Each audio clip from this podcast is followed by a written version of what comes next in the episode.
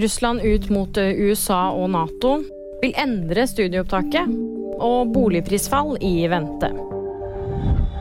Russlands eh, utenriksminister Sergej Lavrov sa i dag at USA og Nato er involvert i krigen. Han mener at de er involvert pga. støtten de gir til Ukraina, og at de deltar med våpenleveranser og trening på Ukrainas territorium.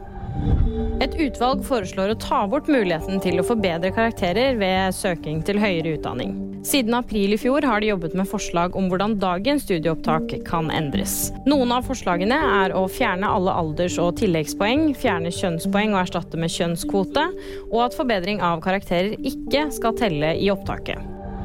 Det er fortsatt mange usolgte boliger, og flere venter en sterk prisnedgang. Sjefen i meglerkjeden Eie sier til Dagens Næringsliv at det er mange objekter til salgs, og at det tar lang tid å få solgt. Boligprisen falt mye både i september og oktober, og nedgangen er altså ikke over. Og VG-nyhetene de fikk du av meg, Kaja Marie Andreassen.